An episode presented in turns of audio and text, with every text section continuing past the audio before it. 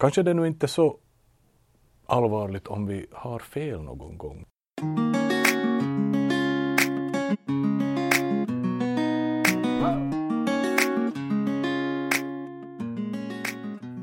Välkommen hit till Kyrka Nu-podden. Idag ska vi samtala om bibelsyn och bibeltolkning. Med mig här har vi biskop Björn Wikström och själv heter jag Janne Edström. Hur är det Björn, är du bibeltroende? Det vill jag vara. Och det, jag läser Bibeln och jag tolkar Bibeln. Bibeln för mig är mycket ett arbetsredskap. Naturligtvis som, som präst så blir det ju att jag predikar och jag utlägger bibeltexter också som teolog. Jag, jag är väldigt intresserad av teologi och funderar på att hur ska vi vara kristna och kyrka idag. Och då är det klart att Bibeln är en av de allra viktigaste källorna, den som man börjar med och sen kanske man tittar också på hur kristna före oss har i olika eh, tider och olika kontexter tolkat Bibeln.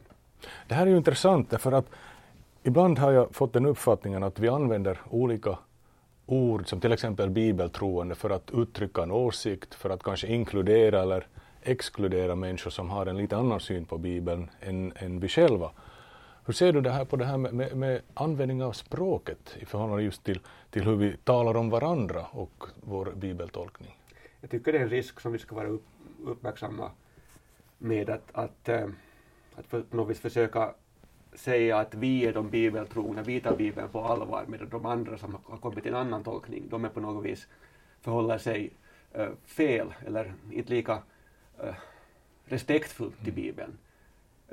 sen naturligtvis också det uttrycket bibeltroende ska vi nog komma ihåg. Det här kanske är en självklarhet men det kanske tål nämnas att som kristna så tror vi inte på Bibeln utan vi tror på Gud. Och vi tror på att Gud kan tala till oss genom Bibeln. Och det är, det är en annan sak. Det gör inte Bibeln mindre viktig men den sätter in den i ett sammanhang, i en kommunikation. Bibeln är en del av en pågående kommunikation. Jag tycker också att ordet pågående är viktigt. Det är inte bara så att Gud en gång talar utan Gud talar ännu idag genom samma ofta väldigt svårtolkade och motsägelsefulla skrift som vi kallar Bibeln. Bibeln i ett sammanhang. När, när, man tittar omkring sig i olika kyrkosamfund så märker man ju att Bibeln används ju lite olika i olika kyrkliga traditioner.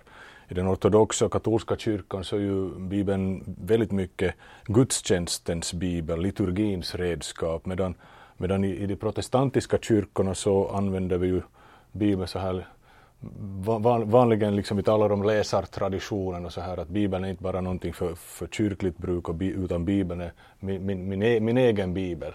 Jag kommer själv från en tradition där, där det har varit viktigt att man har sin egen bibel med, med understräckningar och kommentarer och känner att det här, det här är min bibel, här känner jag mig hemma. Och, och sen, sen att, att, få någon annans bibel med andra understräckningar och kommentarer kunde kännas lite främmande. Men, men eh, just det här Bibelns användning, det finns ju också något gemensamt i hur olika kristna använder Bibeln. Det vill säga, vi läser Bibeln, det som man brukar kalla för lectio divina, det vill säga den dagliga bibelläsningen när man läser längre avsnitt. Hur, hur, hur ser du på det? Hur, hur, hur skulle du säga att eh, den, den, typen av bibelläsning syns och märks eh, till exempel i din egen kyrka, den lutherska kyrkan? Överlag ska man ju säga att, att det finns en, en, en, en spännvidd mellan att, att betona den enskilda bibelläsningen, det enskilda andaktslivet och den gemensamma bibelläsningen i kyrkan. Och det hör ju också ihop med hur man ser på, på, på för vårt förhållande till Gud. I, en, i en, ett kyrkosamfund där man väldigt mycket betonar att, att Bibeln i första hand eh, ska läsas i gudstjänsten och utläggas där, då betonar man också vanligen eh, auktoriteten hos den som har rätt att utlägga, det vill säga det kan vara prästen, det kan vara biskopen eller det kan vara kanske eh, någon annan inom den, den rörelsen. Medan i en protestantisk tradition så har vi ju en, mera betonat den här enskilda bibelläsningen, enskilda bönen. Och eh, kan man väl också säga, det här är en kritik som jag tror att de katolska och ortodoxa kristna ofta kan med viss rätt rikta mot oss protestanter att vi, vi har tagit väldigt mycket till oss det här Petrus ord, vi ska lyda Gud mer än människor.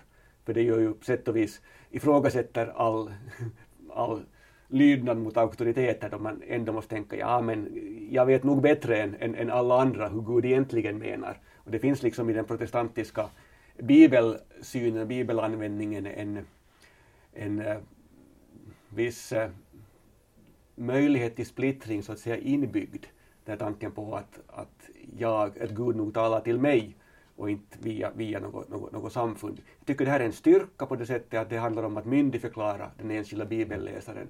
Men det är också en, en brist på det sättet att, att det andliga högmodet ligger nära till hands, att vi, vi börjar tycka att vi eller vår lilla rörelse är de som har sanningen. Och så blir det lätt splittring, det uppstår nya samfund kring nya ledare. Och, och där tycker vi har någonting att, att lära av, av de stora kyrkorna, att, att det, det finns en, en, en, en styrka i att få, få vila i den, i den långa traditionen av bibeltolkning. Och, och samtidigt som vi ser de här farorna med, med, med det här, ska säga, den privata eller personliga bibelläsningen så, så finns det ju också en, en, en möjlighet där att ta tillvara, som man kan kalla den frikyrkliga eller väckelsekristna eller pentakostala bibeltolkning, att man, man läser bibelordet och så, så, så är man öppen för Andens vägledning och, och till och med kan uppleva att att den helige Ande påminner om saker som har kanske varit bortglömda eller som inte haft liksom fokus på. Och, och då, då, då, är det ju viktigt förstås att man sätter in den egna personliga bibelläsningen just i, i det här sammanhanget, om vi kallar det kyrka eller församling, så att den här, den här eh, splittringen inte uppstår utan att det får tjäna, tjäna liksom helheten. Där kan jag tänka att det finns, eh, som med alla saker, en, både en, en, en, en rikedom och en, och en, och en risk eh, när man betonar det här att, att, att, den, an, att anden leder oss i den konkreta bibelläsningen, så då betonar man på ett fint sätt att bibel och bibeltolkning är som en pågående sak, det är inte bara någonting som, eh, uppenbarelsen är en pågående sak där vi på nytt och på nytt eh, blir vägledda av det som Bibeln säger. Eh, det som kanske är risken då, att vi på sätt och vis tvingar alla bibeltexter att i alla situationer ha någonting att säga åt just mig. Och jag är inte säker på att det är på det sättet. Jag läste för några år sedan en, en, en, en bok där, där författaren sa att, att, att, att inte, inte det är så att varje text har någonting att säga till alla just nu. Det, det var väldigt befriande för mig, för det betyder att vissa texter så, så, så kan jag läsa, men det, det, det, det, finns ingen klangbotten för dem just nu i mitt liv och då kan jag gå vidare. Kanske i en annan situation senare så, så talar de till mig.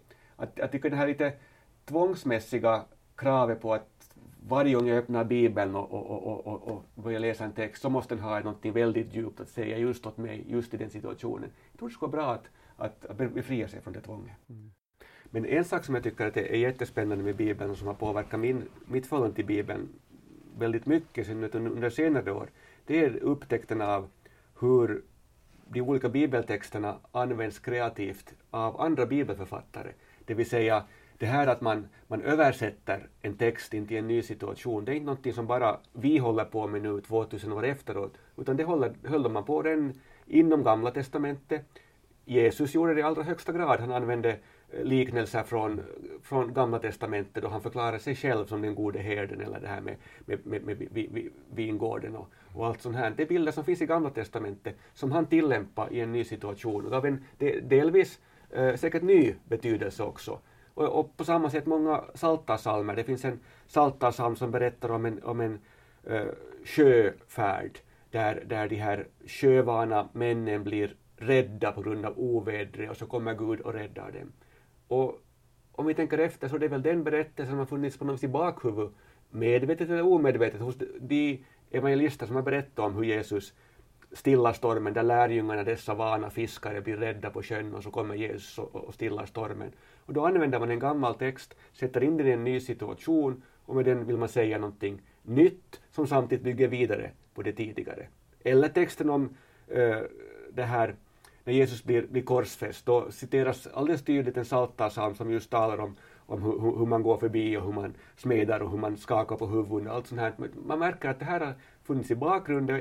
Jag tror att det inte det, man kan läsa det som en profetia som blir uppfylld, men det handlar också om, om en, om en liksom återanvändning av texter i en ny situation. Och, och jag tycker det där är väldigt spännande, för det är det som vi också håller på med när vi idag tolkar Bibeln. Vi återanvänder dem, vi översätter dem in i en ny, ny situation.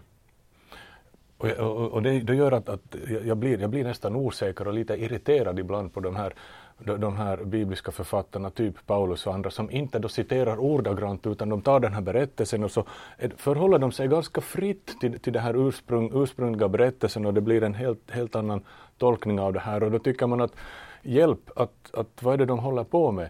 Och, och så tänker jag tänker på vår, idag, idag så har vi ofta det här att vi ska, vi ska förhålla oss väldigt så här, om vi kallar det då bokstavstroget eller texttroget till berättelserna, men de bibliska författarna så tycks ju ibland nästan strunta i att, att vara text, texttrogna. De, de, vill ha, de, vill, de vill göra en, en poäng.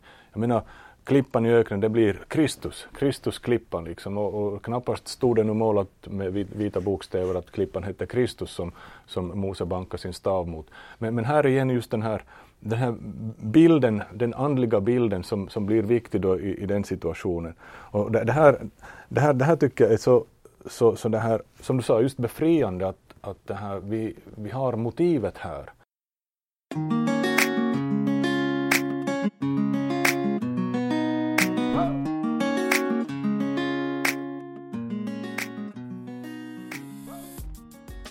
Jag tänkte att, att vi skulle fundera lite kring det här med enskilda texter i relation till, till motiven och, och liksom de här, de här större mönstren. Du, du, har ju, du har skrivit en bok som, som vi har här framför oss, Kärlekens mångfald, där, där du också, om, om, om jag nu har förstått, förstått rätt en del av vad du skriver där, så, så, så där, du, där du tar upp de enskilda texterna, men, men du sätter dem i förhållande till en, en, en, en, ett större motiv, till exempel vi kan kalla det befrielsemotivet, eller eh, motivet att, att det här, en, en, en, människa, en, en människas livsupplevelse är större än, eh, är så stor så den kan inte fångas i en, i en enskild text. Och det, det, här, det här tycker jag kunde vara intressant att fundera lite vidare på, att enskilda texter och deras förhållande till det stora motivet alltså, jag tycker överlag att, att eh, kanske meningsfullt att förhålla sig till Bibeln, inte på det sättet som en instruktionsbok som har bara ett enda rätt användningssätt, det vill säga som punkt för punkt säger hur vi ska göra för att få en apparat att fungera eller någonting annat beroende på vilken instruktionsbok det handlar om. Att, att Bibeln är nog äh, ett ymnighetshorn som vi öser ur. Och naturligtvis problemet är, blir ju där då att, att när, när tolkar vi rätt och när tolkar vi fel? För jag tycker det är viktigt att komma ihåg att den skillnaden finns där. Det, det, det finns tolkningar som, som, som bryter ner och förstör och som, som inte förverkligar Guds vilja. Och det finns andra som, som, som tvärtom låter Guds vilja bli kropp, bli synlig i vår värld. Och, och, och den kampen, den Jakobsbrottningen, så, så, så, är vi tvungna att, att, att gå om vi vill uh, ta del i, i Guds rikes framväxande. Och det, det är ingen lätt kamp många gånger. Jag, jag, tycker att i många frågor så slår det mig att, att Bibeln egentligen inte hugger in ett entydigt budskap, utan det är på sätt och vis som den skulle gräva två diken mellan vilka vi ska försöka hålla oss.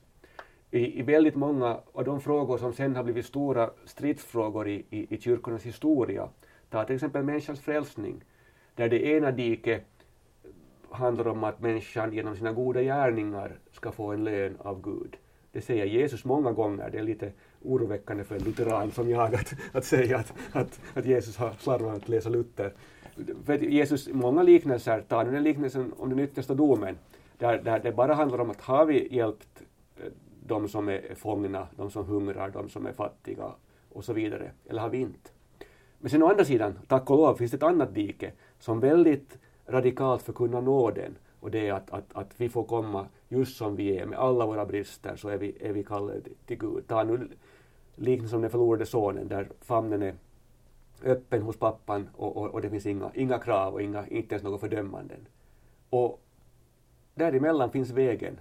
Och, och, vi måste på något vis försöka hålla oss. Och i olika situationer kan vi behöva vara närmare, olika människors, i olika människors liv kan vi behöva vara närmare den här den här um, ska vi säga, då den lagiska sidan där det faktiskt framhävs att, att Gud vill att vi ska handla rätt. Gud vill att vi ska ta hand om varandra och vår, vår värld. Men å andra sidan situationen när vi, när vi behöver gå närmare diket, diket nåden så att säga, där, där, där vi får liksom bada i, i, i Guds förlåtelse och kärlek. Jag, jag tycker det här, det, här, det här är intressant. Vi har en annan bok här som heter Alla himlens fåglar har flytt, profeten Jeremia i sin egen tid och vår tid, eh, som Peter Hallorf har skrivit alldeles nyligen. Och, och han, han gör ju den här kopplingen också när han beskriver eh, när han beskriver eh, uh, gudsfolkets relation till Gud, är ju hela tiden en pendelrörelse mellan dom och nåd, dom och nåd, hela tiden, hela tiden. En, en påminnelse om att jag älskar er, men please, gör som jag säger också.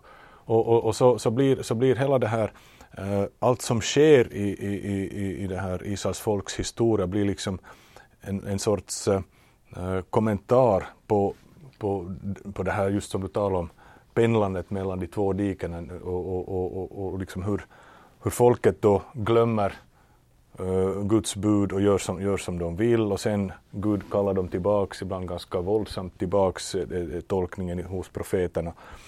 Och, och gör, gör, ju då att, att det här eh, det öppnar också för vad ska vi kalla en, en, en, på det sättet en dynamisk bibeltolkning tycker jag som, som eh, gör att vi behöver inte och ska inte använda bibeln på samma sätt i alla situationer. Och det tycker jag till exempel det här befrielseteologin från, från, eh, som utvecklades då i, i, i det här Latinamerika, Sydamerika, där man tog fasta på motivet befrielse och läste liksom eh, Exodusberättelsen, Exodus-berättelsen, uttåget ur Egypten och korsning av Röda havet som tog in det i den, i den dåvarande politiska situationen och det blev liksom sprängstoff, andligt sprängstoff i, i, den, i den katolska kyrkan. Så mycket så att man började lite reagera, reagera mot det.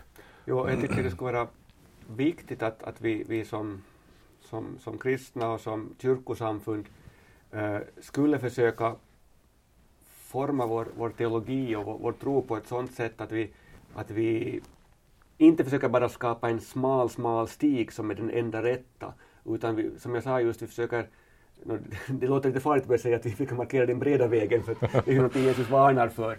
Men att vi skulle kunna uh, visa, som jag tycker Jesus gör väldigt tydligt, när vi går utanför gränsen så att säga, när vi har hamnat på, till och med på fel sida om diket. Ta nu fariseerna och de skriftlärda som säkert lite orättvist polemiskt blir framställda i evangelierna som väldigt, väldigt lagiska och då handlar det bara om prestation. Mm. Och det är någonting som vi ska ta avstånd ifrån. Och, och, och det, då är det viktigt att, att det finns de här båda dikena så att säga. Det finns den här nådens dike också som ska förhindra oss från att vi spårar ut åt den lagiskhetens sida. Men sen å andra sidan, som du var inne på också, så som Israels folk ibland eh, allt för mycket litar på att, att, att de var Guds folk och då vill de behandla eh, de fattiga obarmhärtigt och, och, och, och de struntar i främlingarna som kom och liknande. Det vill säga då har man farit igen på den här eh, på, nåd, på nådens sida eh, i diket till och med för förbi det och, och igen tillbaka. Det skulle handla om att vara lite mera generös och kanske lite mer realistisk också i, i, i vårt liv som kristna. Det handlar om att, att, att försöka pendla, pendla på, på, på, en, på en väg som är, är lite bredare än den där bara smalaste, smalaste stigen men som ändå samtidigt markerar avstånd från sånt som, som inte är bra, som inte, inte hör till ett, till ett äh, kristet liv. Och här tror jag att den, den ekumeniska bibelläsningen, om vi kan kalla den det, är, är ganska viktig för att det, det, gör ju att vi har, vi har liksom ett antal kyrkosamfund i världen, både större och, och mindre. Och, och, alla har, har liksom i alla dem så har man läst Bibeln lite olika. Det finns både spänningar inom kyrkan och mellan kyrkorna. Idag förefaller nästan som spänningarna inom kyrkan och bibeltolkning inom kyrkorna är, är, är, nästan svårare att komma till rätta med än, än eh, spänningarna mellan kyrkorna. Men jag tror att det också ger när, när vi har den här ekumeniska spännvidden på bibelförståelse ger också lite, lite trygghet i det här att, att uh, kanske det nu inte är så allvarligt om vi har fel någon gång. Jag menar, man behöver kanske i, bibeltolkning och sin bibelläsning alltid öppna, öppna för det här att jag kanske har fel, men just nu, så utifrån det, det, den kunskap och den insikt och den andens vägledning som jag litar till och, och, och, och, och så här, så är det här vi befinner oss just nu tills vi kanske nås av en, om vi kallar det uppenbarelse eller, eller insikt om, om att eh, vi kanske behöver korrigera vår kurs. Och här tänker jag till exempel på kyrkans syn på slaveriet, mm. som, som ju var ganska okritisk väldigt länge. Tills man då märkte att nej, men det här är ju helt obarmhärtigt. Det finns en berättelse i Bibeln som talar om befrielse, redan andra Mosebok. Och, och, och efter det också, att vi, vi måste ju liksom börja tillämpa Guds kärlek här på, på de som är utsatta. När det gäller just förändrad inställning till exempel till slaveriet eller till um, synen på kvinnan och synen på barnen och så vidare som uh, har förändrats från urkyrkans tid, då är det viktigt att komma ihåg att det handlar inte om att vi idag på något vis skulle vara klokare än Petrus eller Paulus eller, eller någon annan. Det, ibland får man det där eh, argumentet emot sig då att, att, men att, att tror du nu att du, du vet mer än dem? Ja, vem tror du att du är? Exakt. Och, och jag, jag tror ju att det inte handlar om det, utan, utan det handlar om, om en, ta till exempel just det här med, med slaveriet, där, där Paulus väldigt kraftigt förkunnar att inför Kristus, eller i Kristus är vi inför Gud eh, lika oberoende om vi är slavar eller fria. Men han drog inte av det slutsatsen att han strax skulle bekämpa slaveriet i sin samtid. Han, han ville nog få en mera human behandling av slavarna, men, men, men, inte den radikala förändring som ett förkastande av slaveriet skulle ha inneburit. Har ju också förstås att göra med att kristendomen var en liten sekt, kan man nästan säga, i det stora romarriket på den tiden. Men i varje fall, eh, men däremot så tror jag att, att den här jämlikheten inför Gud med tiden blev liksom omöjlig att hålla bara i, i en andlig sfär av livet så att säga. Det blev mer och mer svårt att förklara att varför ska vi då inte i vårt samhälle bete oss så om att, att här ska vi inte vara slavar eller fria. Eller man eller kvinnor om vi tar en utveckling som har kommit senare. Och, och det här är inte, handlar inte om att vi, att vi vet bättre än, än de första kristna eller att vi på något vis eh, inte tar Bibeln på allvar, utan tvärtom. Det handlar om att Bibelns och framförallt Jesu evangelium småningom får mer och mer nedslag i vår kultur, i vårt sätt att förhålla oss till varandra. Och, och, och då är det inte något som vi gör uppror mot, utan det handlar om en, en rörelse som småningom förverkligar eh, Guds vilja och Guds rike. Jag har ibland när jag har tänkt på den här saken, har jag ibland tänkt på ordet paradigmskifte. Det är säkert inte så radikalt som, som det ordet kanske ger vid handen, men, men jag tänker så här att ibland får jag, får, har jag fått den här uppfattningen från, från olika kyrkor, samfund, undervisningar, predikningar, och böcker och så vidare, att man har ett trosinnehåll eller någonting som man liksom vill lära ut och så vill man trycka in det här i människans liv så att det verkligen ska bli del av en människas liv. Men så ställer man inte kanske först den här frågan. Det är ju det här klassiska att uh, Jesus är svaret, men vad är frågan? Mm. Och, och, och, nu tycker jag att jag, jag, jag, jag ser, eller ser liksom att det håller på att skifta lite här nu. Lite också som jag ser, ser i din bok här, Kärlekens mångfald, en, en skiftning om att först, först liksom, lite som Jesus gjorde, ställa, ställa frågan, vill du bli frisk?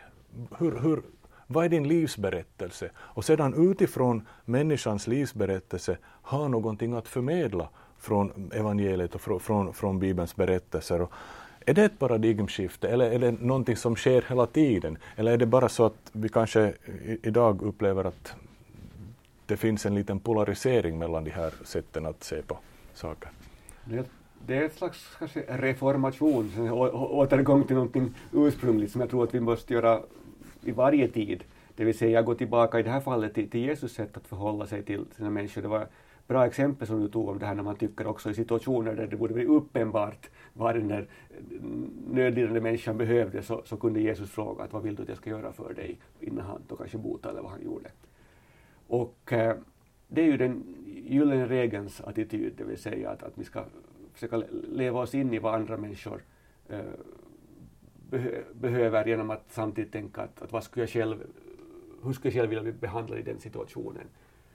Och eh, egentligen, och det tycker jag är en ganska spännande tanke, så är ju gyllene regeln inte bara en, en etisk princip, utan den berättar också om hur Gud handlar.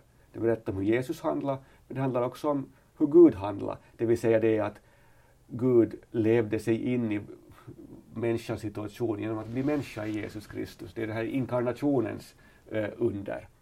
Och eh, på det sättet så ska vi också vara försiktiga att alltför svartvitt skilja på eh, tro och etik till exempel. För jag menar, det, det, det, handlar mycket om, om, samma sak, om den här inlevelsen i en annan situation. Och, och det tycker jag är en, en spännande tanke. När du talar om tro och etik så här för, en, för en tid sedan var vi, var vi på ett besök i några församlingar och diskuterade med, med, med församlingsaktiva och medarbetare som jobbar tillsammans med, med invandrare och asylsökare.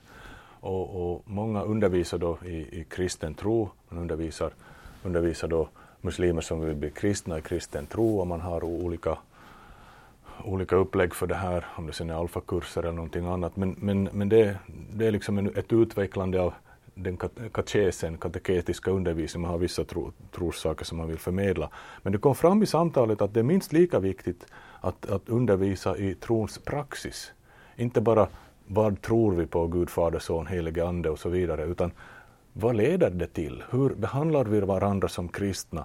Och ibland, ibland tycker jag att vi, vi som, som kyrkor kanske lite för mycket uh, betonar, eller inte, man kan väl inte betona det för mycket, men vi betonar det så mycket så trosinnehållet på, på, på bekostnad av trons praxis när, när, vi, när vi undervisar när vi undervisar i kristen tro och, och liv för, för till exempel asylsökare och invandrare. Och, och, och, och det här är väl kanske en, en, ett, ett arv från, från reformationen också där, där, där, där, där eh, trosföreställningar liksom uh, ja, krigade med varandra med, med, med, med mer eller mindre blodspillan om man säger så. Och, och här, här, undrar jag liksom hur man ska få in det här, det här mer att, eh, trons praktik in, in i våra kyrkor och församlingar. Missionsbefallningen som man ju ofta tar till när man funderar på hur, hur vi ska sprida budskapet om, om, om, Jesus. Så den talar ju om att vi ska döpa och, och lära, mm. lära dem att hålla allt vad jag har befallt er eller sagt er, säger Jesus. Och eh, dopet, no, vi, vi behöver inte gå in på olika syner på dopet, men det handlar väl i alla fall i någon form om det som Gud gör för oss och, och hur vi får tillgång till det. Medan eh, det här att lära dem att hålla allt vad jag har sagt er, eh, precis som du säger så tror jag i, att i, i vår eh, protestantiska, kanske i synnerhet i den lutherska traditionen har man väldigt mycket betonat just läran som en samling propositioner samt samling påståenden om Gud och om livet och, och så vidare. Men eh, om vi funderar, vad var det som Jesus lärde?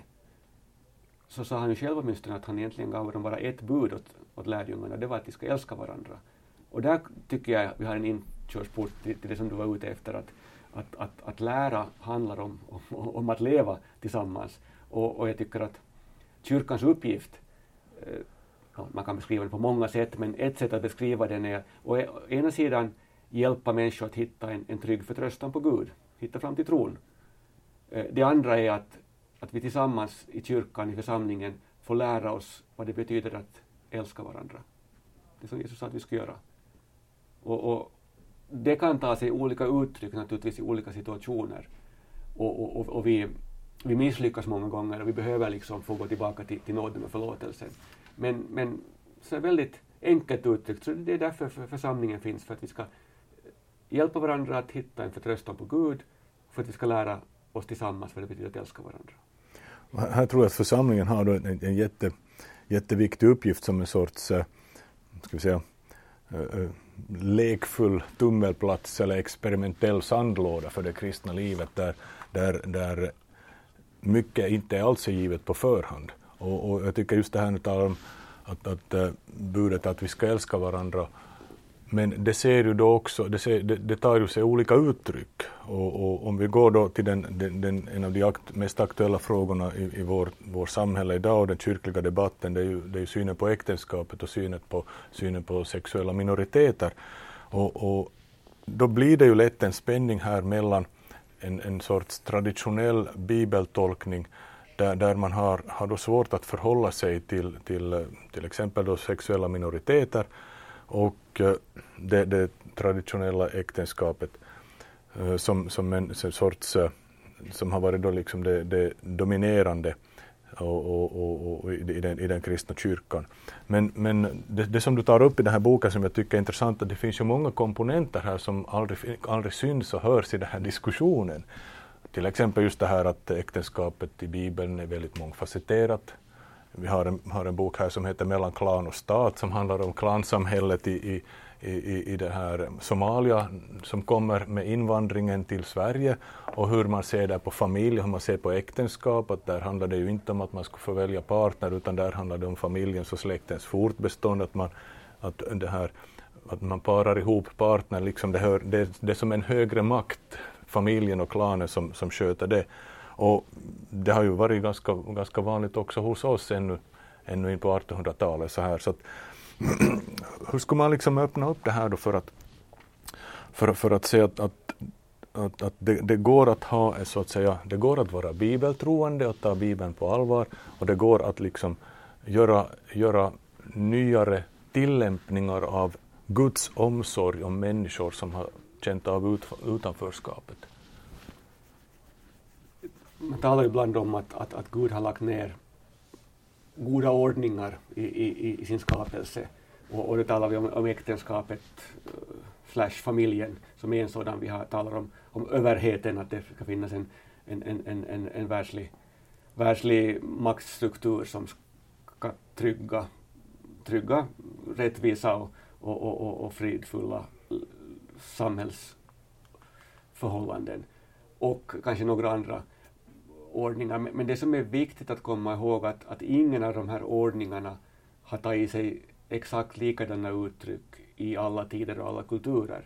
Jag menar, det goda samhället ser väldigt annorlunda ut än vad det gjorde på, på Mose tid eller Jesu tid eller Luthers tid idag när vi har då ett demokratiskt samhälle. Vi har inte den gode fursten som Luther kunde på något vis självklart utgå ifrån att eller det furstarna borde vara goda av Gud insatta furstar och liknande. Idag har vi ett helt annorlunda samhälle, men syfte, målsättningen med, med att vi har ett samhälle, en samhällsstruktur, en samhällsordning är fortfarande ungefär detsamma, det vill säga eh, trygga människors liv, göra det möjligt för människor att, att, att leva, verka och en del av oss att, att, att bilda familj och, och få barn och, och, och, och föra släktet vidare och så, och, och, och, och, så vidare. Så att jag menar, på samma sätt med äktenskapet så jag tror att vi egentligen, när vi nu diskuterar samkönade äktenskap, så diskuterar vi inte att, att vi ska ändra äktenskapets målsättningar egentligen. Äktenskapets målsättning är fortfarande att trygga eh, de, de här två, två människornas eh, kärlek och, och deras förhållande, deras eventuella barn. Det är att, att, att skydda mot uh, otukt som, som det hette i, i katekesen, eller också, också i Bibeln, och det handlar om att, att äktenskapet kan vara en skola där vi, där vi lär oss genom, genom förlåtelse och misstag och, och, och, och nystart vad det innebär att leva som människa och som kristen. Alla de här sakerna finns kvar fortfarande. Frågan är bara det att vill vi att detta goda också ska erbjudas samkönade par? Just därför för att det är så gott eh, vill vi, tror vi att det är Guds vilja att de idag i den förändrade tid där vi lever också ska erbjudas detta goda och de ska få inför Gud tacka Gud för att de har funnit varandra och, och, och, och be om, om Guds, Guds välsignelse och Guds beskydd över, över, över sitt samliv. Uh, och, och, här går ju sen åsikterna isär. En del menar att nej, att på grund av det som står i Bibeln och på grund av det är, är liksom giltigt i alla tider uh, så ska vi inte tillåta vigsel av samkönade i kyrkan, kyrkorna. Medan andra menar, som jag, som jag själv tänker, att att, att den verklighet den kurs som vi lever i idag, det sätt på vilka de samkönade paren lever idag, i, i, i, där de, där de många av dem i varje fall strävar efter att, att, att få leva i ett, i ett livslångt troget parförhållande där man tar omsorg om varandra. Det fanns inte på samma sätt på Luthers tid, det fanns inte på Paulus tid. Och att vi därför på sätt och vis kräver det omöjliga när vi försöker hitta bibeltexter som ska specifikt godkänna just ett samkönat äktenskap. Uh, och här, här liksom, det, det, låter kanske, det låter kanske lite, lite, lite konstigt det här men här, här måste vi väl då kanske erkänna att Bibeln är också begränsad. Att bi, Bibeln är inte automatiskt en biologibok eller en, biografi, eller, eller, eller en geografibok eller, eller en, en, en bok som, som har, har har allt, har, har allt att säga om, om det som idag representeras av, av tiotals eller hundratals år av forskning. Så, så att eh, bi, bi, Bibeln, om man tänker att, att vi, vi blir som kristna informerade av den helige Ande, hur vi ska förhålla oss till bibelordet, men om vi, om, eftersom vi bekänner oss till en Gud som är skapargud, så får vi väl kanske då också ta till oss av mera kunskap som vi får i och genom skapelsen. Och ta in det också i den här ekvationen till hur, hur vi ska förhålla oss till, till bibelordet. Och den, den, stora berättelsen om Guds omsorg. Åtminstone är det så här som jag försöker, försöker, försöker formulera mig när, när jag ser på de här sakerna. Så vi har liksom, vi har på ett sätt, om vi ska ta en liten ordlek här, hur, hur vi som kyrkor och, och, och bibeltroende förhåller oss till världen, med L, alltså den omkringliggande världen, men sedan också hur vi förhåller oss till värden, värd, värderingar och de, de så kallade omistliga värden som, som det här vi ändå tror på. Som, som, som, som kommer till uttryck i det här med att Guds omsorg och Guds frälsning är kanske det, e, e, ett, ett av de starkaste omistliga värdena som vi vill hålla kvar och som vi vill förvalta utifrån det bibliska vittnesbördet. Och för att flika in där, jag tycker det är viktigt att, att erkänna också det att, att det går med hjälp av Bibeln att argumentera för att, att slaveriet är, ska, ska accepteras. Ja, så gjorde man ju i Sydafrika. Så, så, så gjorde man väldigt länge. Ja, ja. Eh, men jag menar ju att det med hjälp av Bibeln är mycket mer trovärdigt och mycket mer hållbart att argumentera för att vi just på grund av Bibeln måste motsätta oss slaveriet. Men, men vi, liksom, vi måste på något vis frigöra oss från den där tanken att det finns en enda sätt att, att tolka Bibeln. För det, det är liksom, man behöver inte mycket studera historien för man märker att det, det är ju inte så, utan tvärtom, Bibeln kan tolkas på många olika sätt och det är därför vi, vi måste gå in i den här Jakobskampen och, och, och faktiskt uh, ställa de svåra frågor, lyfta fram de också svåra ställena och våga sätta dem i ljuset av varandra och, och, och, och komma fram till det. Nej, det, det är den här tanken på, på människans uh, lika värde, på det att vi, vi, vi i Kristus är, är, är jämlika. Så det, det, är den eh, tolkningsnyckeln som, som vi ska eh, ge förtur i det här fallet och inte de ställen där där, där Paulus, eller till och med Jesus, inte så att säga bryr sig om att gå in i en, i en, i en polemik mot slaveriet som system. Och, och, och, och det, det, handlar om att vi vill vara trogna mot Bibeln också de gånger som vi går mot enskilda bibelställen. Eller uppfattar oss gå emot den, för att det finns ju många enskilda bibelställen också som som öppnar sig först när man går in i den kulturella bakgrunden, kontexten. Som till exempel när jag, när jag, när jag har läst lite om klansamhället i Somalia, så, så, så läser jag Bibelns, speciellt de gammaltestamentliga texter och märker att här finns, här finns liksom otroliga likheter i hur, hur det här eh, Jakob som blev Israel och hans familj, hur han manövrerar där eh, i familjekonstellationerna och hur man i de somaliska klanerna ser på familjen och dess fortbestånd och hur viktigt det är att, att allting sköts, sköts rätt och rent, att man har den här, den, där, upprätthåller den här balansen som, som är bra men som också kan leda till någonting destruktivt när, när det handlar om att, att upprätt, upprätthålla hedern så att säga.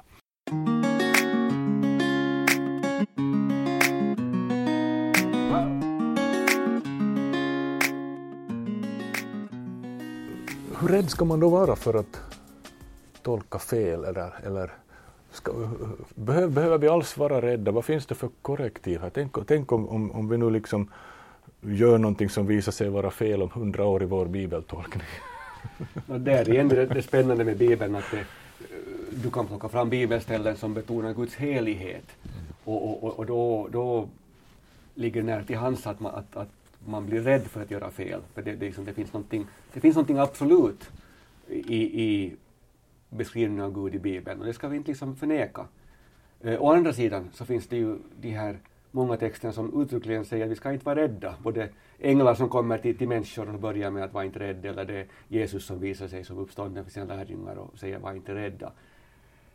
Och, och så jag skulle säga att vi, vi, vi ska handla vördsamt, respektfullt med bibeltexter, men eh, vi ska inte vara rädda att brottas med dem om vi ännu får upprepa det här en, en gång till.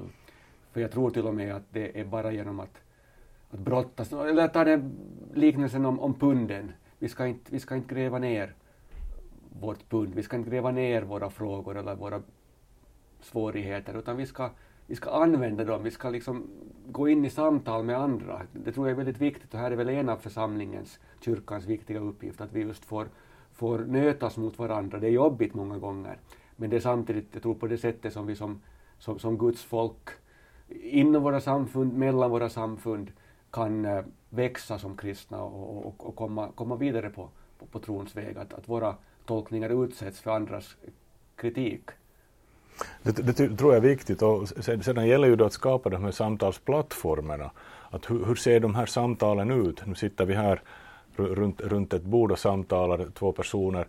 Sen blir det, kan, kan det bli svårare om man, ju flera man är. Men, men jag tror ju också, det här har jag lärt mig kanske åtminstone från det ekumeniska arbetet, att det, att det finns en rikedom i mångfalden som, som vi absolut måste ta vara på. Oberoende om, om åsik, hur mycket åsikterna varierar så finns det alltid någonting i, i, i, i en annan åsikt som vi kan, som vi kan lyssna till och ta, och ta till oss för att, för att också berikas i vår egen förståelse. Där kan jag gärna inflika att, att jag tror ju också, och till exempel från det ekumeniska fältet, att eh, vi många gånger kan hitta varandra lättare när det gäller att göra saker. Göra någonting praktiskt för nödlidande eller be tillsammans eller någonting annat. Medan det däremot när vi ska diskutera vår, vår tro på ett mera eh, så här eh, teoretiskt plan kan vara svårt att, att komma till, till, till enhet. Och då får vi kanske, så att säga, jag tror det, det är viktigt att vi för också de samtalen, men jag tror också det är viktigt att vi ibland lyfter på hatten och konstaterar okej, okay, här, här förstår vi inte varandra, här tänker vi olika, men vi kan ändå be till samma Gud, vi kan ändå jobba tillsammans för, för Guds värld och Guds rike. Jag tror att den här distanseringen, om man kallar det här, som på engelska brukar kallas att we agree to disagree, det, det, det liksom gör att man, man kan bli ganska lugn. Man, man liksom blir befriad från det här att nu behöver man inte ha någon tävling i vem som tror bäst eller vem som har den bästa bibeltolkningen, utan att man för, man för fram argument och så får, får man liksom diskutera, hålla den här argumentationen utifrån det här synsättet och hur, hur liksom kan vi, kan vi om vi, om vi inte kan nå fram till en, en sam, ett samförstånd så kan vi i alla fall respektera varandra för, för att vi, även om vi tror olika, därför att vi har argument för våra sätt att tro. Det, det som jag tycker kanske det, det svåraste och, och på ett sätt lite svårt att acceptera också när, när jag ibland upplever att vi gör det lite för lätt för oss i, i vår bibeltolkning och i vår, vår bibelsyn. Att vi, vi går inte den här kampen med, med, med bibelordet. Vi knådar inte den här teologiska degen. Och, och ännu för att återgå till Jakobskampen, så det finns ju ett slutorden där att, att, att liksom jag släpper det inte förrän du välsignar mig. Och jag tror att det finns något välsigne, välsignelserikt i det här att gå, gå kampen med bibelordet och inte förvänta sig att alltid kanske ha, ha, ha alla färdiga lösningar efter att man har läst ett ord, utan tvärtom känna att man är befriad att gå, gå vidare. Och det var också en motivering jag hade till att skriva den här boken om, om, om, om kärlekens mångfald, sexualitet och äktenskap. Att jag, jag upplevde som ett problem i, i min egen lutherska kyrka att, att eh, de olika parterna på något talade bredvid varandra. De som ville försvara det traditionella äktenskapet och också ofta de som förhöll sig kritiskt till homosexualitet överhuvudtaget, de, de ville använda Bibeln. Medan de som talar för förändring ofta kanske utgick från mera rättviseargument eller, eller människorättsfrågor och liknande. Och man, man, man, nådde inte varandra. Och jag tycker det är jätteviktigt att om vi ändrar vår, vår, vår, vår syn på äktenskapet, om vi breddar äktenskapsbegreppet att också inbegripa samkönade par, då ska vi som kyrka göra det utgående från Bibeln. Vi ska beakta nutidens eh, människors erfarenheter och den situation där vi lever. Vi ska beakta den kunskap som finns tillgänglig, men vi ska gå den här Jakobskampen, vi ska, vi ska eh, bygga det på, på vår egen tradition och det betyder Bibeln och naturligtvis de kristna som har levt genom, genom de här århundradena, årtusenden eh, efter Jesus fram till oss idag.